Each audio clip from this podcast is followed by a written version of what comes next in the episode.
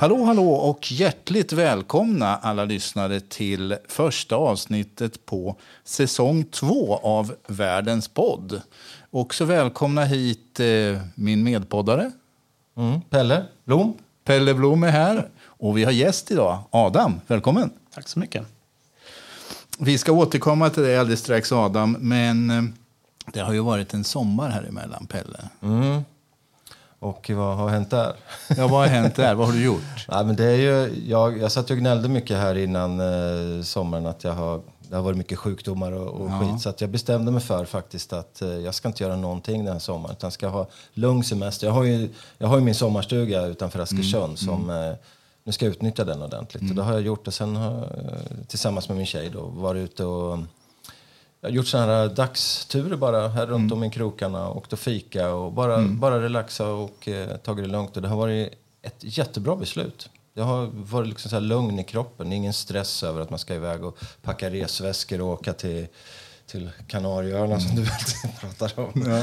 Eller någonting sånt där. Och sen med allt flygkamp som har varit och, och allt diskussion kring det. Så, ja, det var jätteskönt. Så att, eh, Du mår bra alltså? Ja, alltså, jag, då borde man ju vara utvilad, men jag vet inte, man blir bara ännu tröttare i och för sig. Så jag läste en massa böcker Ja. och lyssnat på musik och tränat lite grann och badat, och, och, eh, men inte solat någon. Ja, jag har sprungit på konserter. Det har varit en fantastisk konsertsommar. Jag tror jag pratade lite om det i sista avsnittet i förra säsongen. Men eh, det har ju varit lika bra som man hade förväntat sig faktiskt. Så att det är verkligen kul. Nu, det har ju varit väldigt mycket som har så att säga legat på eh, vänt. Och nu blev det äntligen av. Du, säsong två. Det, vi tänker oss lite...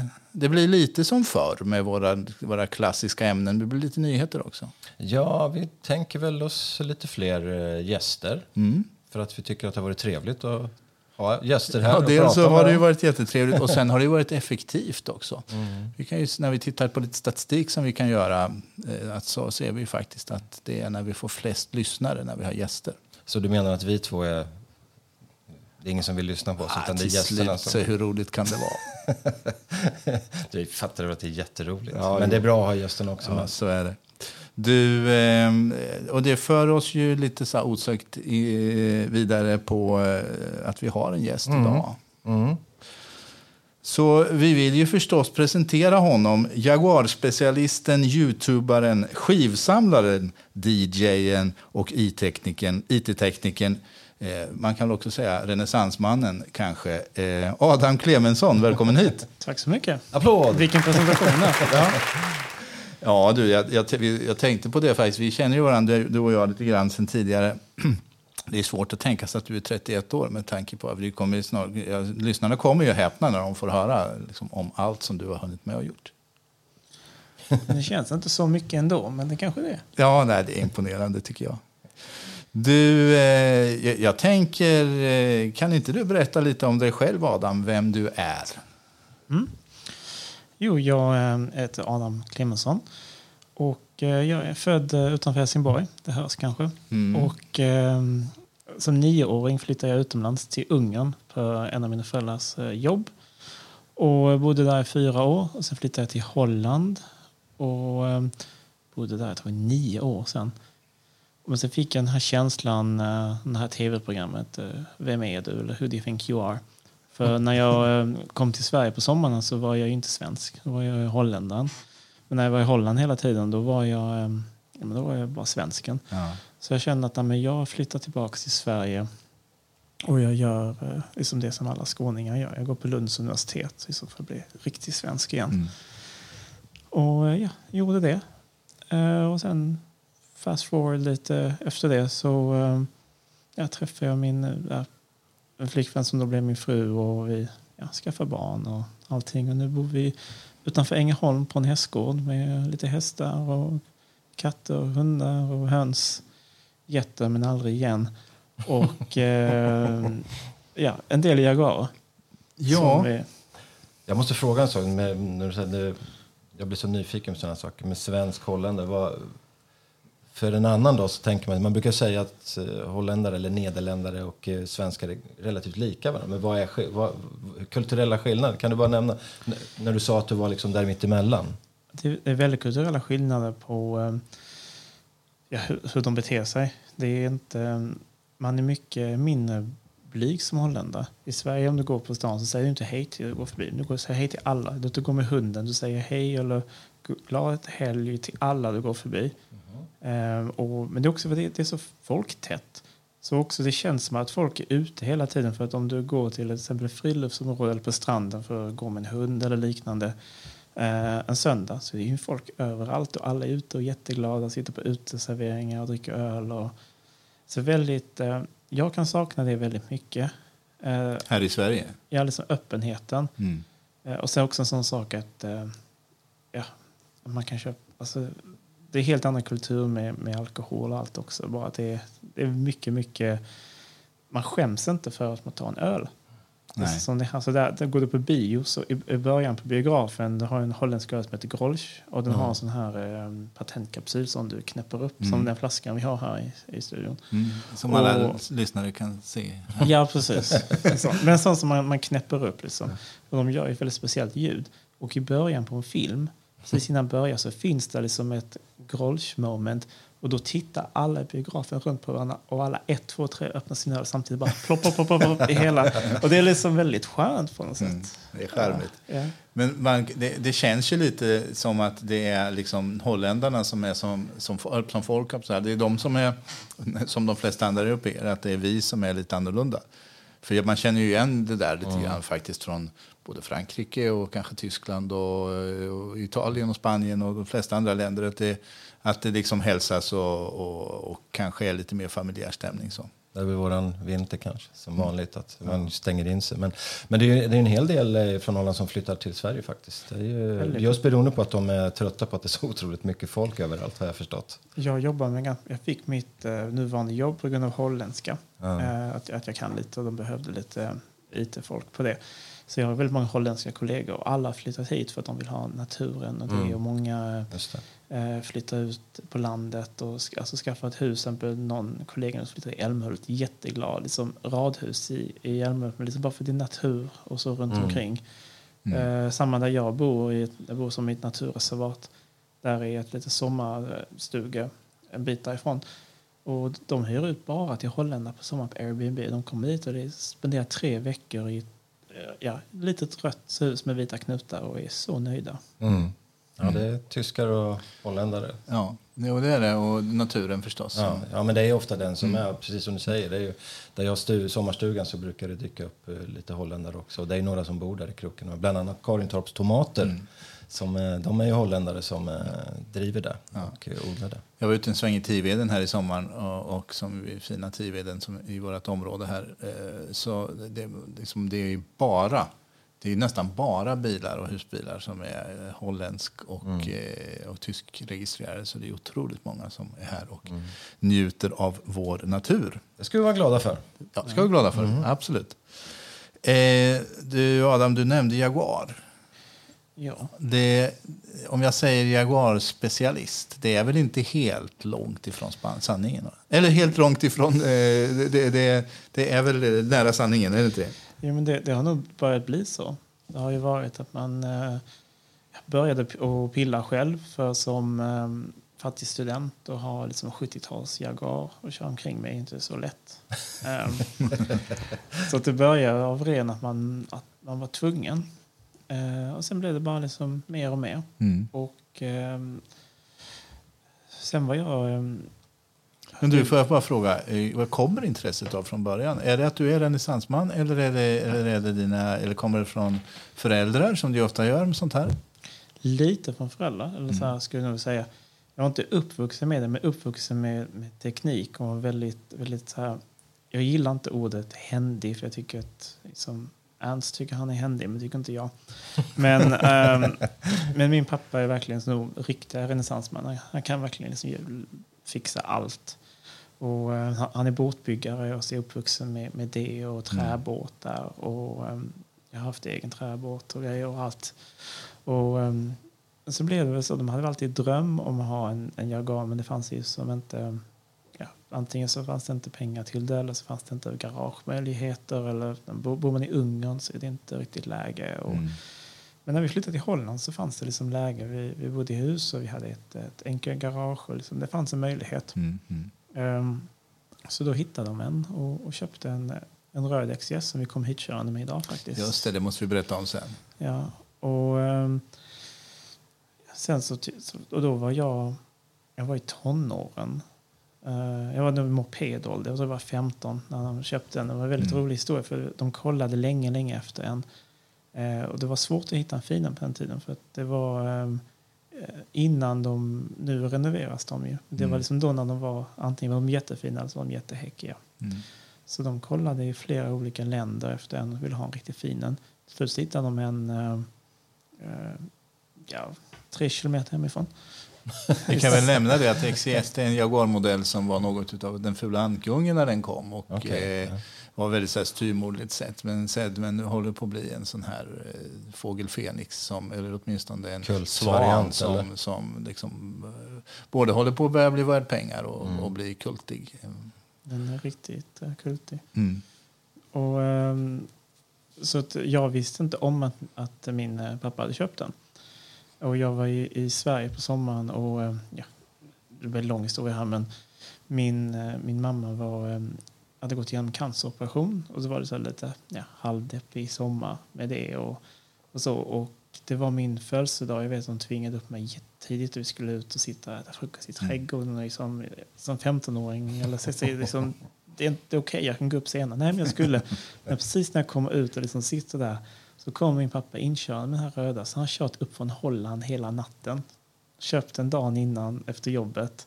Bestämt och hämtat den och sträckkört natten upp, färja och allting. Och kommer upp där och det blev liksom världens grej den sommaren. Att vi hade den bilen och jag tyckte det var så fräckt. Och, Ja, ja. Ja, en, en röd cabriolet när man är 15 år. Det är klart att det är sånt som man önskar att ens far hade köpt. Eh, Han ville säkert min far, men han fick väl inte. Eller hur det var.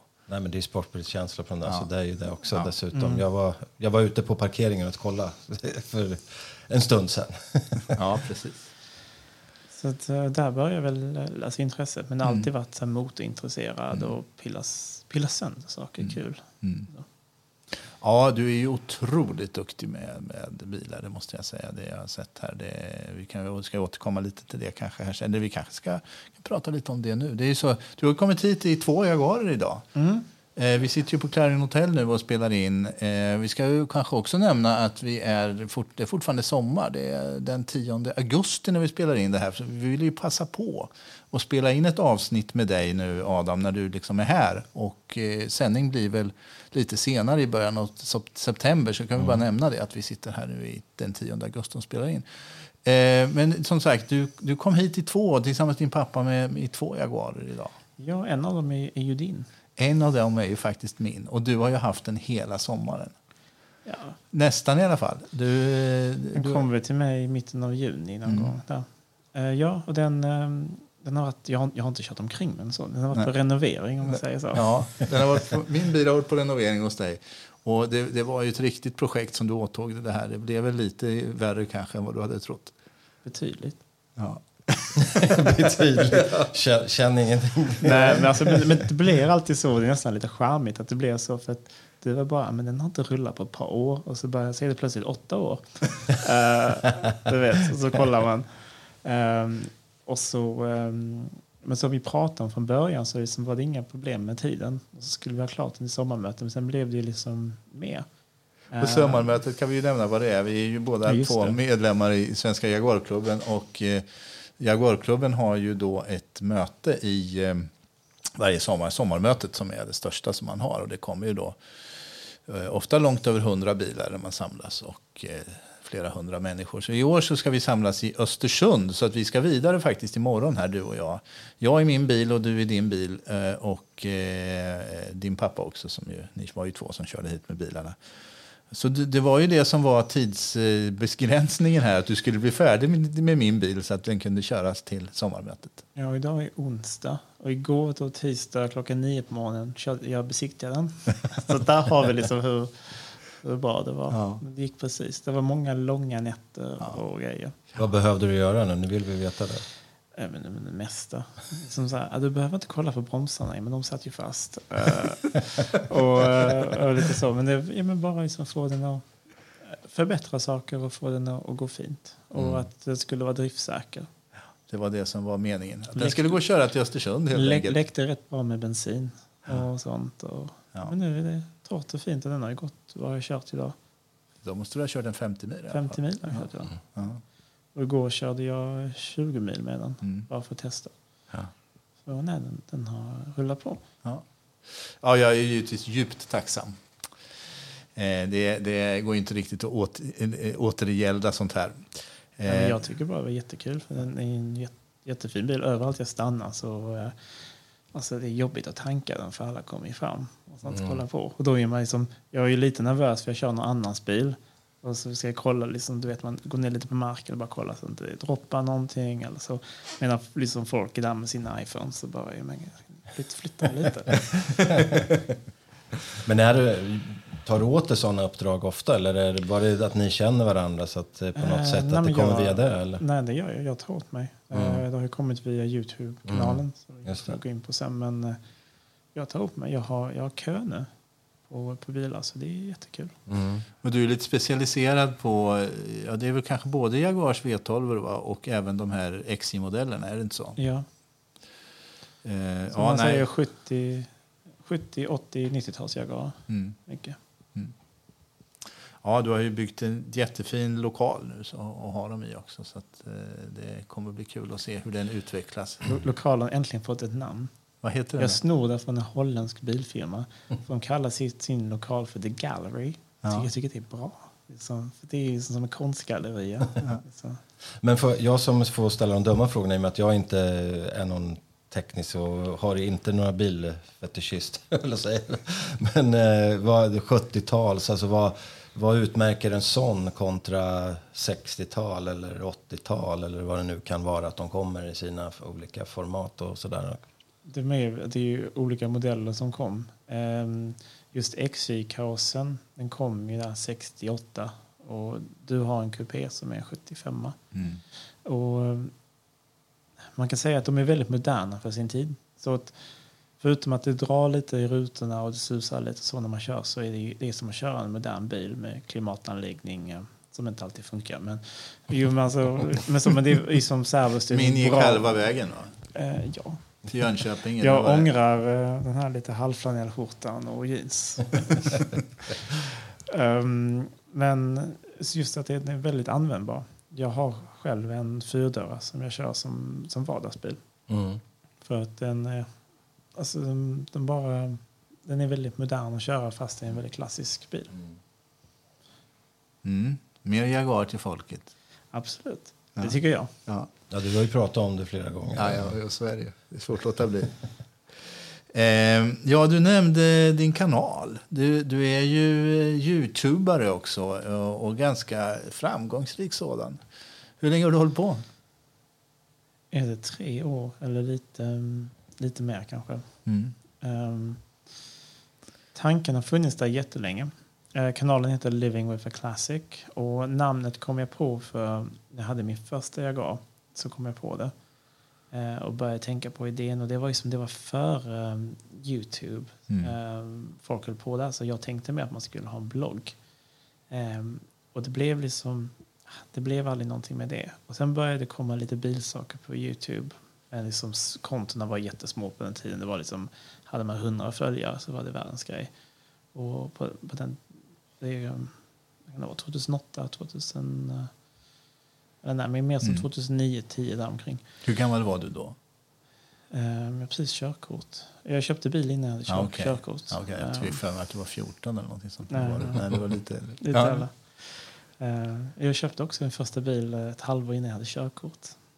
Så du började, du började pilla med dem innan eh, liksom, Ja, började det, köra och så? det var faktiskt, jag körde ett italienskt då. Jag hade en Alfa Romeo Spider. En sån Mm. som han har i The Graduate. Ja, just det. Ehm, så att jag tyckte Var det en sån, eh, är det ankstjärt de kallas för också? Eller det, var, var, det det var den efter. var den här 80-talaren? Ja, Den med den här gummispoilern på bak? gummispoilern. Ja. Men det var en Graduate Edition som de sålde i USA. Mm. Eh, så det var en California-bil. Och den eh, hade ju typ en skylt bak med The Graduate och lite sådana saker. Så det var Mm. lite så här, man lyssnade alltid på Simon Garfunkel när man kör omkring. Och, och så. Mrs Robinson. Ja. Ehm, nej, sen så... ehm, skaff, skaffade jag kanalen, eller som man gör, man skaffar en Gmail-adress Mm, som mm. då kan bli en Youtube-kanal med det här namnet. Och det var nog redan 2017. Mm. Ehm, och då har jag redan gått och grubblat på det här jättelänge. Men du vet, man är, man är lite blyg och, man liksom, och, så här. och sen så testade jag bara med en vanlig kamera jag hade hemma och filmade lite när jag höll på med saker. Men jag tyckte aldrig att det blev bra. Ehm, och sen så ja, jag pratade om det även med min fru och sånt. Jag, vet, jag skulle vilja satsa på det här. För då började kanaler bli stora. Som jag tänkte att det här kan man faktiskt tjäna pengar på. Och finansiera sitt intresse. Eh, för det var ju hela tiden problemet. Det är ju väldigt dyrt att hålla på med bilar. Mm. Eh, och. Ja, vi har inte sett den. Jag har inte betalat. Nej, du har inte fått räkningen än. Den tar vi sen. Ehm, och, ehm, men till slut så bara bestämde jag mig. Det var när vi flyttade till den gården som vi bor på nu. Eh, vi flyttade hit i november och i februari bestämde jag mig att men jag måste göra detta. Jag vill göra detta. Ehm, så jag bara en solig vårdag i slutet på februari. Det var väldigt milt tog ut den här XJSen, eh, den röda vi pratade om, och eh, filmade en kort film med den. Bara fem minuter lång med varför jag tycker det är en väldigt fin bil. Och, ehm, ja, och i slutet på den så säger jag att det kommer ett avsnitt till om en vecka. Så jag kände liksom att jag måste sätta press på mig själv. Men ingen aning vad jag skulle prata om. Eller någonting. Så jag släppte det och folk faktiskt började titta på det. Och sen så är det plötsligt tisdag. Jag bara, det är torsdag, jag ska släppa en igen. Jag måste göra någonting. Och så fortsatte jag så. Ehm, och byggde upp och eh, kollade sönder sådana här YouTube-guru-filmer med, de flesta är ju helt fake. Harry Garage och såna här. Nej men så sådana som pratar om hur man lyckas på YouTube och sånt. Ja, ja, ja. ja okej. Alla är jättedåliga, de ska ha pengar och sånt. Gå min kurs. Så det är bara sån här typ pyramid scheme, allting. Men eh, höll på med det och började märka. Så bestämde jag mig, det är ju med Youtube är det ju man ska ha tusen eh, subscribers då, eh, prenumeranter och 4000 timmar som folk har kollat. Mm. Eh, vilket eh, i början är 4000 timmar väldigt mycket Mm. innan man kan börja tjäna pengar på det. Och jag hade som mål att om inte jag lyckas med tusen inom första året så skulle jag lägga ner. För Mm. att det tog mycket tid. Tusen följare eller tusen som har tittat någon gång? Tusen följare. Ja. Jag har en bit kvar, Pelle. Så det blev, um, det tog nio månader. Ehm, så, så blev det, så, så då fortsatte jag med det. Mm. Och ehm, sen Svenska Garklubben fick upp ögonen för det. eh, vilket var li- lite roligt. Mm. Och ehm, nej, sen bara fortsatte jag. Jag är väl på snart 17 000 följare tror jag. Mm. Ehm, Är det över hela världen? Eller? Ja, de flesta är... Jag gissar att ni kan också se som statistik på... Ja, som, ja. Du kan se att ungefär 25 procent är i England, 25 procent i USA. De är ungefär lika. Mm. Sen har vi kanske en 10 procent i Sverige. Ganska många i Tyskland och lite många i Australien och sånt. Eh, Så det, men det är lite worldwide. Mm. Ja, men du, för, precis, för du kör ju på, på engelska förstås. Ja. Så att det är ju, jag var inne och kollade en liten kortis för att svara då, amerikanska snarare kanske. Så jag tänkte det var, det var, alltså det var väldigt flyt i språket. Så tänkte jag förstod att du eh, har det där i dig. Liksom. Men det, det kändes också väldigt, väldigt, väldigt nördigt och det förstår jag också jäkligt bra. Liksom. Jag, jag var inne och klickade på något när du höll på och bytte list på bakfönster på en och höll på att måla och tog bort rost och grejer. Jag hade, det. Jag hade på det ganska länge för att verkligen se, liksom se och det var verkligen på detaljnivå. Så jag förstår ju att håller man på med en sån här bil och är intresserad av det så, så är det grymt. Så det förstår jag. Ja, man får ju väldigt mycket tips om man håller på och pular själv. Och det märker man att det är väldigt, väldigt, du får ju väldigt, väldigt, väldigt mycket kommentarer och följdfrågor ju på. Och jag, det är så så jag snart kan inte svara på dem. Eh, Men jag gör mitt bästa. Jag har såna här vissa månader jag liksom sitter och bara går upp tidigt för att sitta och svara kommentarer. Men eh, som sa, det var också det jag ville. Jag ville skapa en kanal som gick in i detalj. Mm. För att jag, det finns de här tv-programmen um, som jag gick mycket på Discovery Channel. Och allt, allt från Pimp My Ride till framåt. Det är som att ja, på 35 minuter plus reklam så är en hel renovering färdig. Mm. Och jag menar, det är inte så det funkar i verkligheten. Och Nej. att man kanske, man har inte 100 000 att lägga. Jag ville visa liksom, um, så något av det första jag gjorde, och jag var, jag var helt pank då, eh, vilket mycket av det här handlar om. Att man, alltså man, gör, man gör vad man lyckas med det man, man har. Och eh, vi har precis flyttat till huset och allting och en bil kom till mig som jag skulle göra vid. Och den går sönder på vägen, totalt motorhaveri på vägen hem till mig. Sen blir stående där och jag ger liksom ett offert på ungefär vad det här skulle gå på. Och han bara, han ville sälja den till mig istället. Och jag fick eh, ett väldigt lågt pris. Eh, cirka 10 000. Och, men det var ändå, vi var precis, nya föräldrar, precis flyttat och allting. Så det var liksom, det var liksom bufferten som låg efter liksom allting. Mm. Så jag bara sa liksom, min fru, liksom, jag minns vi stod i badrummet på kvällen och pratade. Jag bara, ska vi ska köpa den här och liksom satsa på det? Liksom, och så får vi hoppas att liksom ingenting händer de närmsta månaderna. Um, så det gjorde jag. Ja. Och då hade kanalen börjat tjäna pengar. Så jag ja. renoverade denna som en serie. Och um, hade väldigt tur för där är en, en Jagar-specialist som jag köper delar ifrån mycket i södra Sverige som heter Joe's Garage. Och eh, de var väldigt snälla att jag kunde köpa delar på 30 dagars faktura. Så då kunde jag köpa, göra filmerna, hinna få betalt för filmerna och betala. Alltså det var på den nivån, det var riktigt så här skapa ihop det. Men då blev det liksom en renovering av den bilen för, för 5-6 tusen kronor. Liksom bara göra allting själv och bara mm. Och det var där många började titta för de tyckte det var kul liksom, att jag visade ett jag ville visa att det behöver inte vara dyrt att komma in i klassiker för då kanske jag låg 15-16 tusen in i det här och jag hade en snygg bil jag kunde köra och inte skämmas för att köra till utställningar och det, det är det man vill göra med de här bilarna. Mm. Ja, nej, men det, man blir ju inspirerad när man tittar.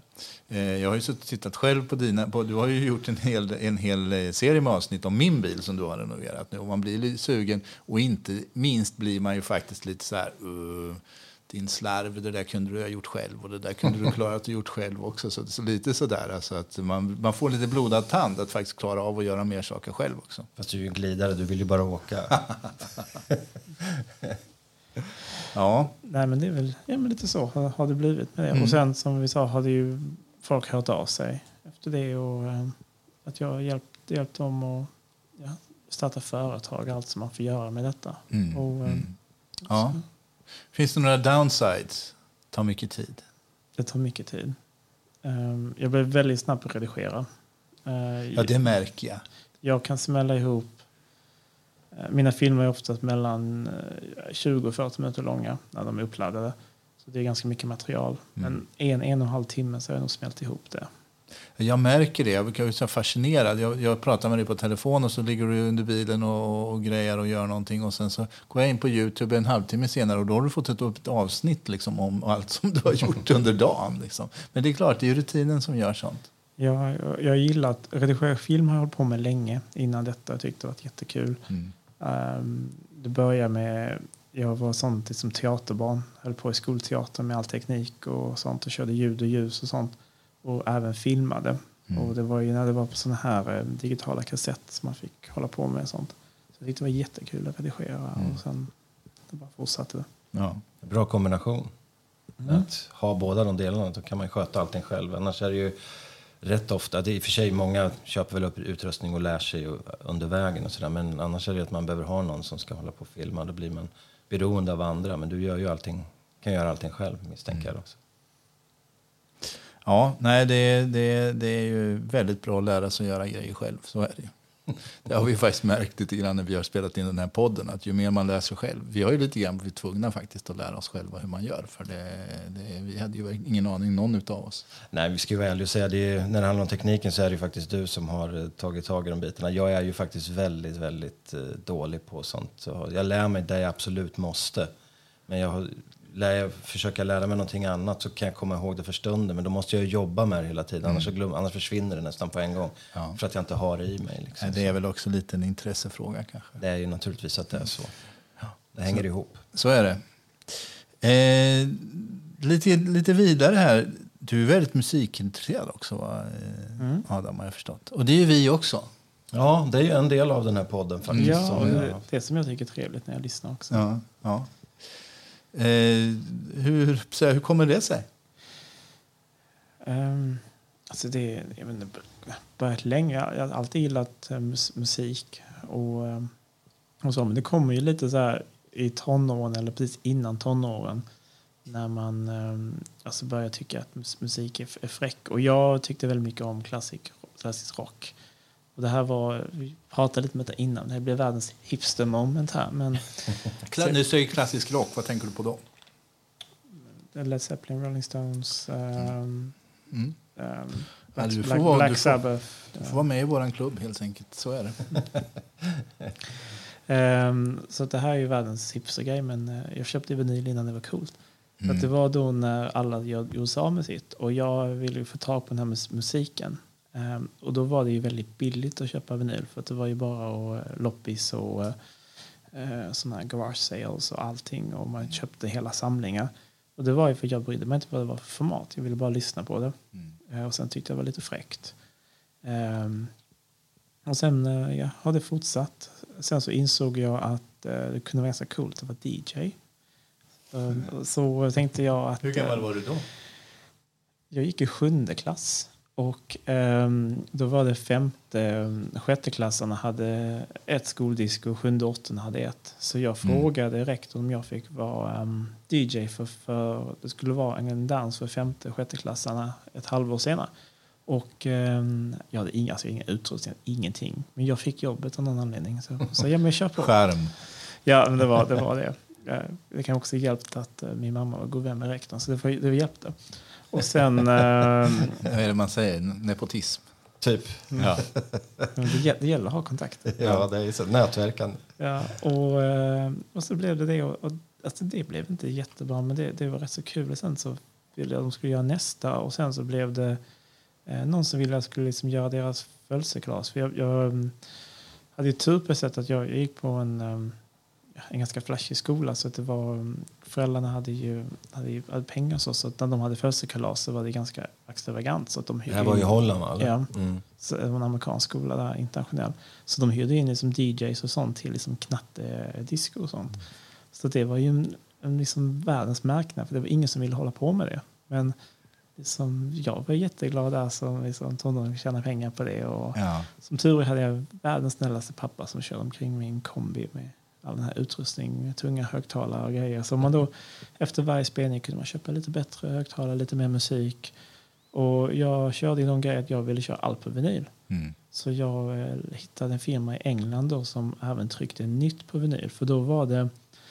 Då, det gick inte att köpa vinyl i butik, men eh, DJs exempel på liksom Ibiza och lite sånt, de körde fortfarande på det. Så man kunde beställa där de beställde ifrån och få liksom eh, egentligen maxi-singlar med veckans eller 12-tums release med den veckans hits. Mm.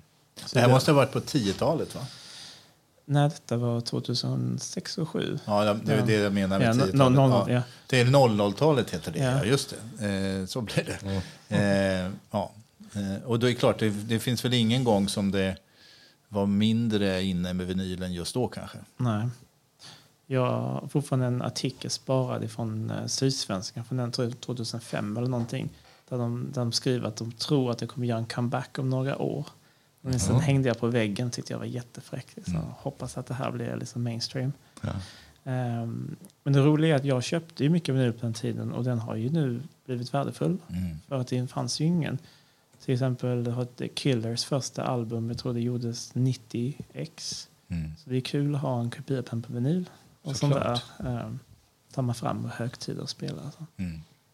Är, det, är det många sådana, alltså, som, så det är, alltså hur många skivor har du? Jag vet inte exakt, men i mitt vardagsrum har jag 3000. Sen har jag lite i källaren också och lite annat.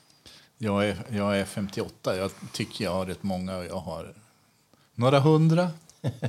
Ja, det är väl vad jag har, men jag har dem inte ens framme. De står ju i en kartong. Jag, har jag har ju CD på väggen, men de använder jag inte heller. Så att det, men det är väl också på väg tillbaka tyckte jag. Ja, jag Oavsett- ångrar, jag gav bort min CD-samling till mina föräldrar för den var rätt så hyfsad, en 500-600 CD. Mm. Den gav jag bort till dem. Eh, Men just nu så ångrar jag det för att många så här lite halvgamla bilar man köper har ju inte typ bluetooth och sånt. Så det har varit nice att ha liksom sin... Och sen är det, har jag märkt att det är kul att se tillbaka på sina tonår. Jag hittade min tonårs-iPod och skaffade nytt batteri till den. Och hittade alla sina gamla spellistor. Det bara lyssnade man på när man var liksom 16-17. Det var jätte, jätteroligt att hitta det. Jag gjorde under pandemin när man inte hade någonting att göra och jag låg i covid så började jag med ifrån min CD-hylla. Från, jag har ju då liksom från A till Ö då, så, så började jag, jag kom bara till lite över hälften då men tog de bästa, för man hade ju, jag har inte lyssnat på dem på så länge så de bästa låtarna på vissa av de grupperna hade, kommer jag inte ihåg ens vad det var. Så jag gick igenom alla skivor och så la jag in på Spotify och gjorde en lång jäkla Spotify-lista. Så den ska jag göra klar någon gång då. Men jag hoppas inte på någon mer pandemi. Men, men, men i alla fall att man har tid att sätta sig mm. ner och lyssna igenom det. Och man, jag märker att det är sjukt många bra låtar som, som faktiskt bara har passerat och försvunnit. Och det är säkerligen beroende på att det är Spotify och sånt här nu. Att man plockar inte fram och tittar på konvoluterna. Och, utan det bara liksom, ja ja, det är det som dyker upp. Liksom. Och då är jag ändå rätt intresserad av musiken då. då liksom. så det är... Men att lyssna på ett helt album, det är också... Alltså det, det är jättetrevligt för att hitta de här spåren som de kanske inte är de bästa men de är i alla fall på skivan de är ju rätt bra ändå. Mm.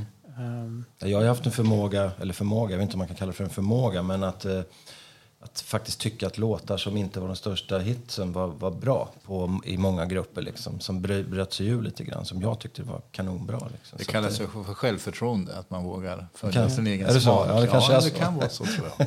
Nej, men det är lite så också att liksom, många, även stora grupper, många av mina favoritlåtar med stora grupper är liksom udda låtar som ingen har hört. Mm. Eller som liksom ligger på en B-sida någonstans. Men jag tyckte bara de var jättebra. Ja. Det gjorde jag också under pandemin, för jag jobbade hemma i två år. Vi gick också igenom eh, skivsamlingen och det är kul för de är så smala så man kan inte alltid se ryggen på alla. Mm. Men att bara flipp, flippa igenom och liksom sånt och så drar man ut och så ser man att den här har jag nog inte spelat sedan jag köpte den och så tittar man bak på den, men den är 2008. och så bara, det var ju ett tag sedan, så kul att lägga på den och så, uh, eller jag, jag, jag återupplevde som så tonåren igen under pandemin med att lyssna på man hade ju sådana olika faser man gick igenom. Mm. Allt från smala jeans till att lyssna på emo-rock till um, synth och ja, massa udda saker. Det är skönt när man är, när man är bred i sin musiksmak, som jag också är. Jag mm. lyssnar på jättemycket brett. Liksom, sådär, så att Men man får inte perioder. anklaga honom för att vara allätare, för då blir han arg.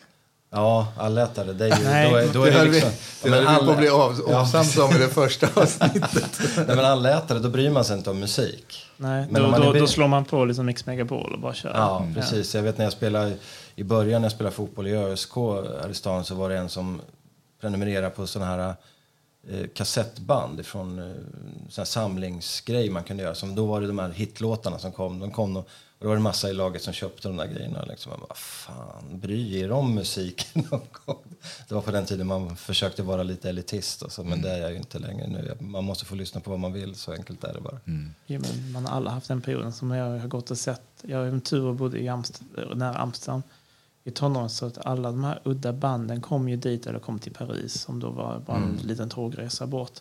Så man har ju sett alla de här banden, och det, är också, det låter så himla hipstriskt igen, men när de var små. Och det är jättekul, till exempel, bra exempel till Killers, jättekul att ha sett dem liksom på en pub. Mm. Och sen såg man några år senare på en arena. Och det är, sådana saker, det är som jättekul. Jag har också sett Coldplay på en pub när de var jättesmå och mm. sånt. Och det, det var bara för liksom man, jag gick på det mesta. Eh, oftast visste man inte vad det, vad det var man gick på. Och så var det bara, ja men det här låter väl så bra. Så gick man hem och köpte skivan och tyckte att det... Sen insåg... Och så tre år senare så var mm. det arena. Ja. ja, det är lustigt det här med vad som liksom, eh, det går ju lite i perioder vad som är inne och så. Och eh, jag har varit ute i veckan här och letat kompaktkassetter. Jag har ju en sån spelare i den här eh, bilen som du har. Mm. Dessutom har du lagat spelaren också. Jag har inte hunnit. Du hann inte? Jag Nej. tyckte du sa att du skulle byta... Jag sa att har jag jättemycket extra tid så Där ser man. Då får vi lyssna på radion istället. Men radion funkar. Jag ja. lyssnar på vägen ja, ja. Fick in rockklassiker så var jag nöjd. eh, det är lustigt vad som så att säga det kommer tillbaka igen. Och det, min, min förutsägelse som jag väl nämnde i något avsnitt av podden här att det nästa musikväg som kommer nu det tror jag blir någon, någon uppdaterad form av 80-tals metal. Jag tror att det är inom två år bort här nu. Det vill jag ha. Mm. Ja, men det är roligt. Jag, nu när vi är inne på musik, det, nu, nu spårar vi iväg, men det är mm. jättekul. Mm. Jag, jag satt och har ju kollat som, som nästan alla andra också som är musik, musikintresserade på den här uh, äh, SVT Play som ligger där med hård rock, mm. export. Mm. Och, uh, det var jäkligt roligt för min del, för jag har ju alltid sådär, jag brukar ju ofta säga att det finns alltid någon grupp eller någon som man gillar i varje genre. Även om man inte gillar genren så kan det dyka upp någonting. Och jag har inte varit mycket, eller jag är verkligen inte mycket för growling och, och du vet det här. Men, men så visade det sig i det här programmet då att jag inte hade koll på saker och ting. Och det här, de kallar det för Gothenburg sound. Men det gillar jag ju. Alltså med det här mel melodiska gitarrer i bakgrunden. Som de kallade i programmet för Iron Maiden. eh, Melodierna i bakgrunden. Och sen kommer det här hårda med growling. Och sen emellanåt så kommer det vanlig sång. Det är ju hur bra som helst. Så det har jag haft lagt på nu på när jag tränar. Så på min sportfälg. Så att jag, då får man energi av det. Så det är riktigt jäkla bra. Och då ser man, där jag har suttit och spytt på growling och alla, några vänner som lyssnar på det liksom, "Ah, du är dum i huvudet. Men nu plötsligt så, det finns även där. Sen har jag svårt för det här riktigt råa då, liksom, där det bara är snabbt, snabbt, snabbt, snabbt, snabbt och sen. Ja, men du, d- dubbelpedaler och Ja. så. Det närmaste jag kom till det var i tonåren. Det var typ System of a Down. Mm. Men Det lyssnade väl alla på på den tiden. Men, Ja, Ja, nej, men det ser man. Det är, det är ständig utveckling. kul med musik och folkbildande tv-program kan vi väl sluta oss Ja, till. ja, man kan tycka vad man vill om vad bra eller dåligt. Jag har förstått att det har varit debatt om det. Men, eh, men jag, för mig som eh, novis inom den, de, den rocken så var det väldigt bra. Mm. men man ska ju vara väldigt stolt över musik som är skapad i Sverige eller av svenskar överhuvudtaget. Jag var väldigt stolt över det. Mm. Och det var en väldigt rolig sak. Jag var i förra veckan, eller förra, förra veckan i Stockholm och såg um, Rolling Stones. Och de... eh, Ja, det var bra va? det var grymt. Mm. Och jag har gått på en del konserter. Det här var det bästa jag varit på. Okej. Eh, För att jag var väldigt imponerad. Och jag, jag vet inte om jag sagt, men jag är också utbildad i, i ljud, jag är ljudtekniker. Givetvis. Och jag också. har, ehm, jag, jag har aldrig hört en arena som lät så bra. En arenaspelning som lät så. Okej. Jag vet halvvägs igenom så, så kändes det som att man satt och kollade på en bra live-DVD på någonting. Liksom det var den nivån. Mm. Det har ju vi pratat om lite med arena. Jag är inte mycket för att gå på de här stora arenorna. Jag har så svårt.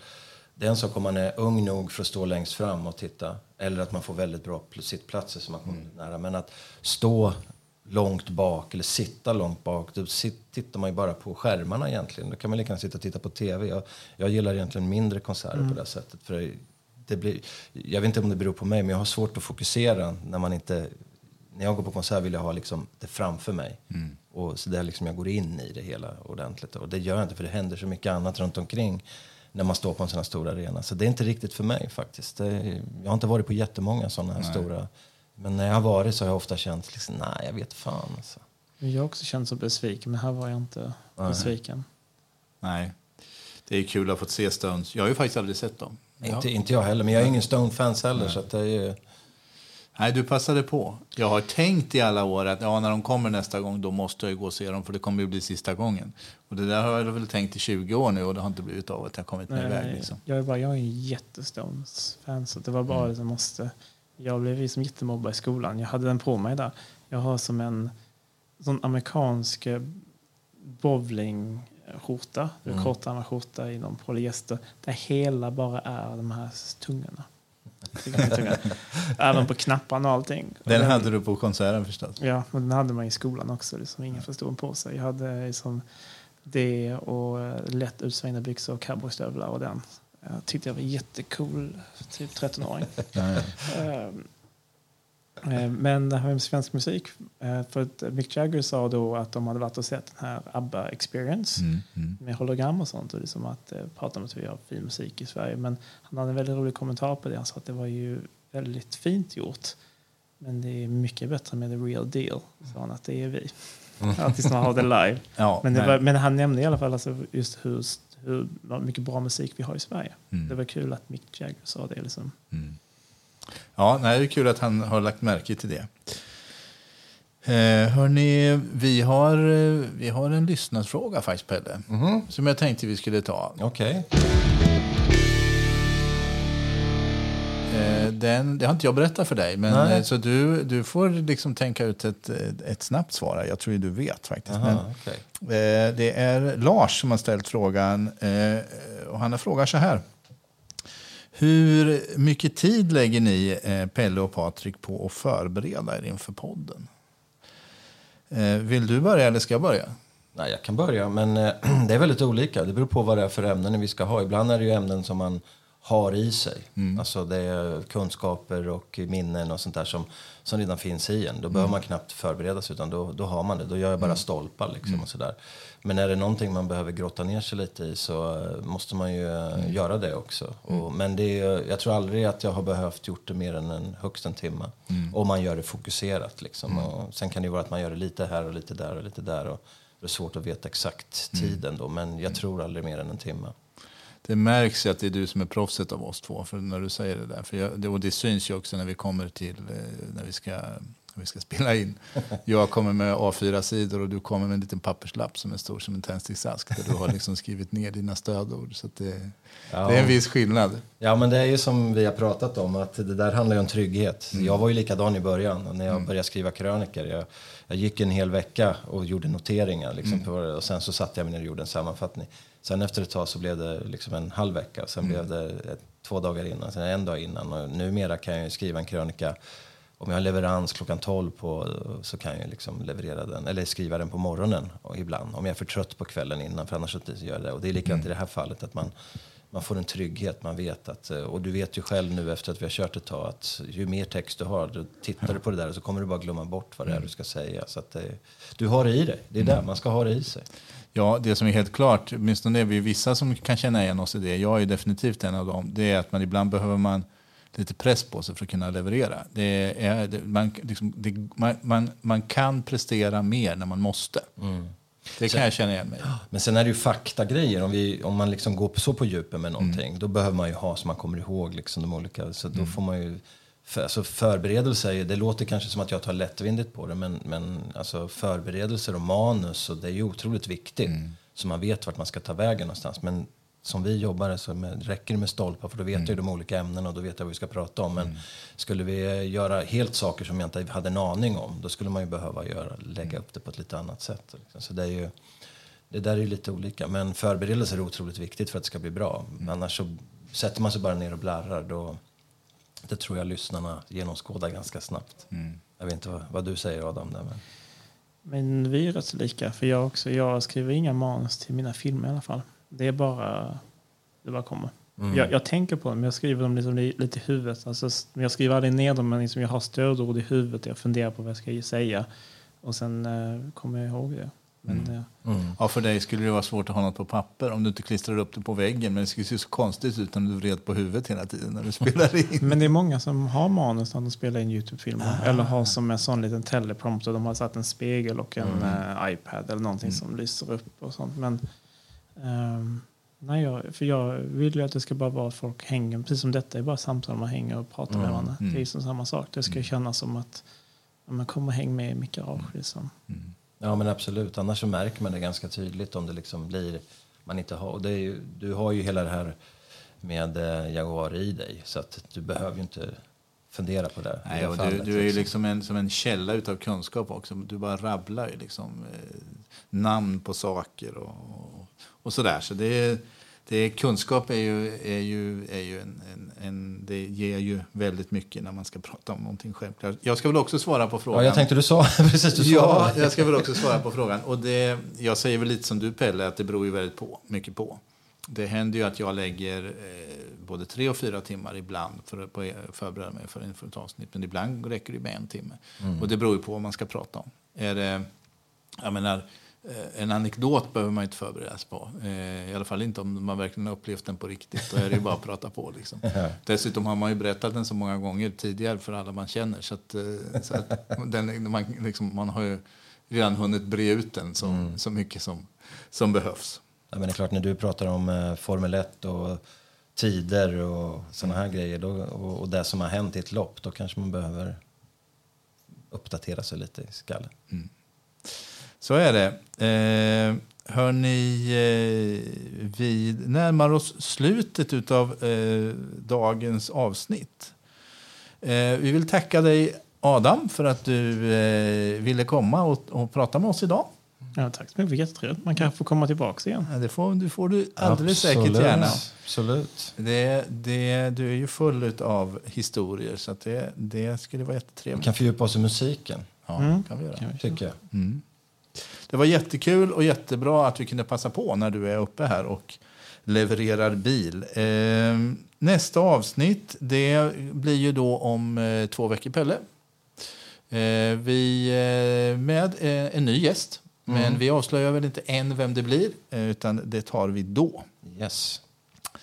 Eh, kontaktuppgifter till podden. Vi vill ju jättegärna ha lyssnarfrågor. Eh, och lättast är att nå oss via vår e-postadress som alltså är världenspodd utan prickar. Vardenspodd gmail.com. Så skriv gärna in på den så ska vi gärna ta upp era funderingar och frågor. Eh, stort tack till alla lyssnare. Mm. Tackar. Så hörs vi snart igen. Tack Adam. Tack så mycket. Och hörni, ta det lugnt på vägen upp till eh, Östersund. Det ska vi göra. Ha det fint allihopa. Hej då!